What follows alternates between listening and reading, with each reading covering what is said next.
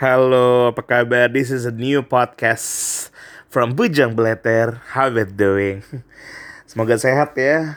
Nggak lagi masa masa masa galau masa pandemi ini. Tapi gue juga heran ya. Orang masa pandemi ini masih ada aja yang mau resign. Udah gitu banyak sih hal-hal yang gue bingungkan dari untuk melepaskan pekerjaan yang ada di saat-saat kayak gini gue kali ini pengen coba bahas hal sesuatu sih yang dekat dengan gue tentang cabut atau enggak. Atau resign atau enggak. Gue tetapkan konteks dulu. Ini perspektif gue yang baru bekerja kurang lebih lima tahun di perusahaan yang sama sejak gue lulus kuliah. Gue mungkin bisa salah tapi gue yakin gue banyak benernya ya kalau ngomong masalah resign atau enggak itu kan personal ya. Kondisi satu sama lain tuh bisa ekstrim bedanya. Konsep sederhana yang selalu dipesankan oleh orang tua gue. Pekerjaan itu ada pilihan. Kalau udah memilih sesuatu, as a gentleman harus diselesai, diselesaikan dan dipertahankan sampai nggak sanggup. Jadi yang gue mau kasih tahu, kalau ada kepikiran untuk resign, pertimbangkan hal-hal ini. Yang pertama, jangan resign dulu kalau belum punya sumber penghasilan baru. Gua rasa ini paling mendasar dan paling masuk akal. Tapi masih banyak orang yang memilih cabut, itu belum jelas bulan depan mau makan dari mana. Biasanya orang-orang yang ngambil keputusan ini memang tertekan secara emosional. Dan gue pikir ini manusiawi sekali. Tapi dari apa yang gue alami, kalau terlalu nekat seperti ini bukan ngurangi masalah, tapi bikin numpuk masalah. Mungkin akan lega, tapi sebentar. Ujungnya malah sembarangan milih pekerjaan baru. Yang terjadi ya muter lagi kan. Jadilah lingkaran setan dari obrolan gue dengan nyokap yang menghabiskan 10 tahun karirnya dan sebagai orang HRD orang yang resign walaupun belum punya pekerjaan kegiatan atau usaha ada kecenderungan untuk dicurigai punya potensi buruk. Seperti impulsif dan bosenan sampai kurang bisa ngatasi tekanan atau sebut sebut aja lah attitude problem. Ada masalah dengan attitude-nya. Padahal kan kalau boleh dibilang belum tentu gitu juga. Tapi alangkah lebih baik sebelum keputusan cabut dikumandangkan. Pastikan kita punya salah satu di antara hal ini. Pekerjaan baru, usaha baru, biaya hidup setidaknya untuk 6-3 bulan. Oke, itu yang pertama ya. Jadi jangan resign dulu kalau belum punya sumber penghasilan baru. Yang kedua, belum diskusi soal karir dengan atasan. Nyokap banyak cerita, banyak orang mau resign karena merasa tidak diperhatikan atasannya. Padahal bisa jadi orang tersebut sudah masuk ke list prospek untuk promosi. Cuma ya dia belum sabar atau ya kurang komunikasi. Kebanyakan orang ketika ditanya pernah diskusi atau enggak dengan atasan soal apa yang diinginkan di pekerjaan, jawaban yang selalu keluar tuh enggak, saya bingung. Gimana ngomongnya, saya uh, enggak enak, enggak sopan rasanya. Idealnya memang atasan yang inisiasi untuk diskusi karir. Tapi gue beranggapan, nggak ada salahnya untuk inisiasi duluan buang prasangka sungkan atau nggak sopan itu. Karena gue percaya niat baik selalu insya Allah diterima baik. Dan ini jadi inisiatif yang menunjukkan kalau kita mau belajar dan mengembangkan diri menjadi lebih baik. Banyak caranya. Ini mungkin pengalaman yang gue pernah lakukan. Pertama, ajak si bos ngobrol empat mata bos ini bisa siapa aja? Atasan kita langsung manajer kita atau sampai bisnis ownernya sendiri? Minta sesi khusus untuk nunjukin keseriusan kita. Gue sering nyebut ini power lunch. Gue kadang gue traktir bos-bos sesekali walaupun dia nggak seberapa tapi setidaknya gue di situ coba komunikasikan keinginan gue.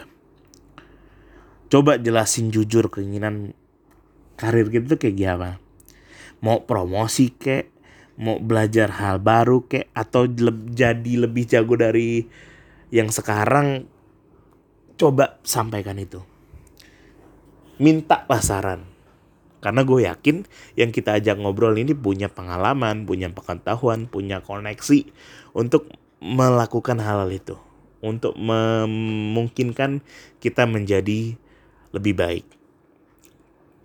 Minta saran, uh, minta feedback kurangnya kita apa, gimana. Syukur-syukur dikasih tahu ya gimana cara mem memperbaikinya. Kayak gitu. Sampai kita ngerubah desire kita jadi bentuk-bentuk konkret. Obrolin target yang jelas. Indikator keberhasilannya kayak gimana. Batas waktu sama apa yang kita sanggup berikan coba kemukakan. Coba buat-buat hal yang kita inginkan menjadi satu persatu lebih konkret. Timelinenya atau apa yang kita harus lakukan apa yang itu setahun ke depan atau mm, dua bulan ke depan atau sebulan ke depan tentang hal-hal yang kita pengen tuh kayak gimana.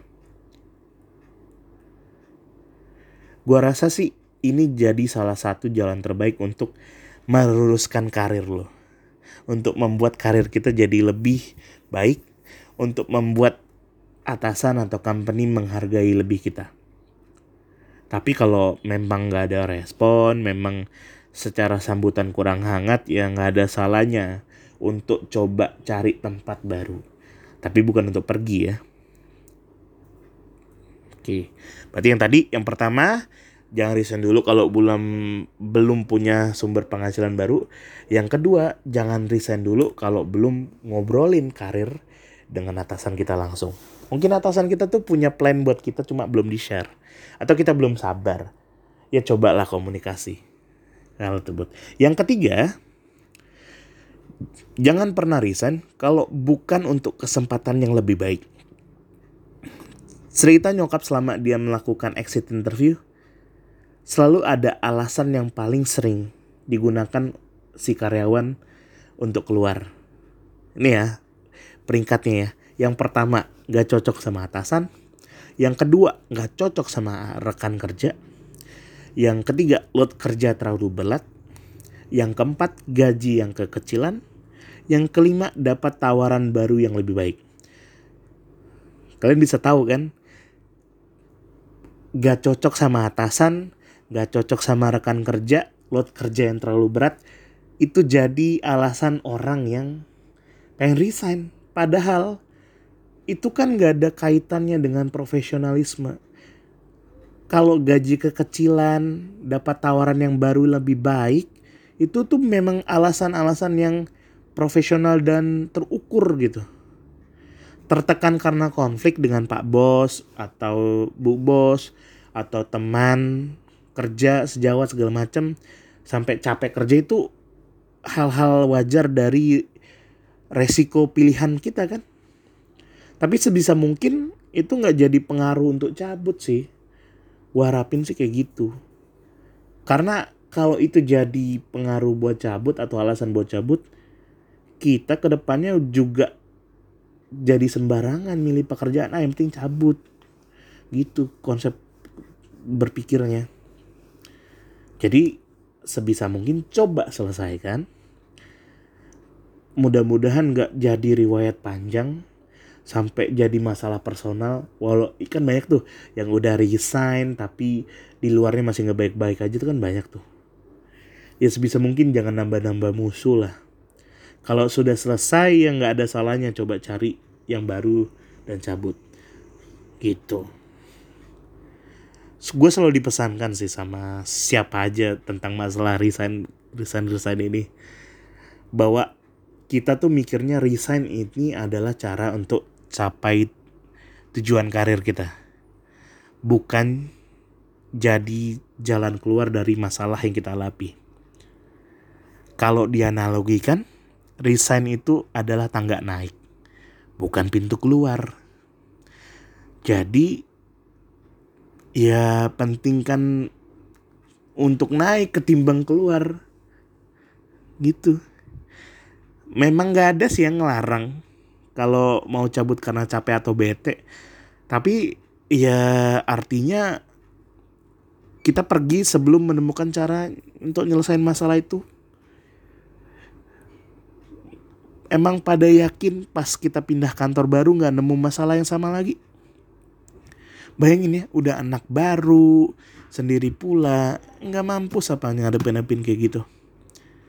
Intinya resign ini diputuskan benar-benar secara logis terencana bukan karena reaksi spontan atau emosi sesaat. Dan yang paling penting resign ini untuk kesuksesan bukan untuk kemunduran. Jadi udahlah miskin tambah miskin. Ya nggak? Kerja memang untuk kaya. Tapi resign ya memang untuk kaya bukan untuk miskin dong. gitu guys. Podcast ini gue sengaja bikin buat teman-teman gue, buat gue atau siapa pun yang lagi di kondisi ini. Gue berdoa semoga ini punya manfaat. Jadi teman-teman sebelum resign ya setidaknya ada tiga deh yang dipikirin dulu udah punya pekerjaan baru atau penghasilan baru belum? Pernah ngobrol sama bos atau atasan soal karir atau belum? Yang ketiga, kalau bukan mak untuk yang lebih baik atau kesempatan yang lebih baik, ya kenapa harus pergi? Gitu kan? Udah ya, nanti kita lanjut di part kedua. Tapi gue kayaknya harus makan dulu, lapar. Thank you guys for listening. Wah.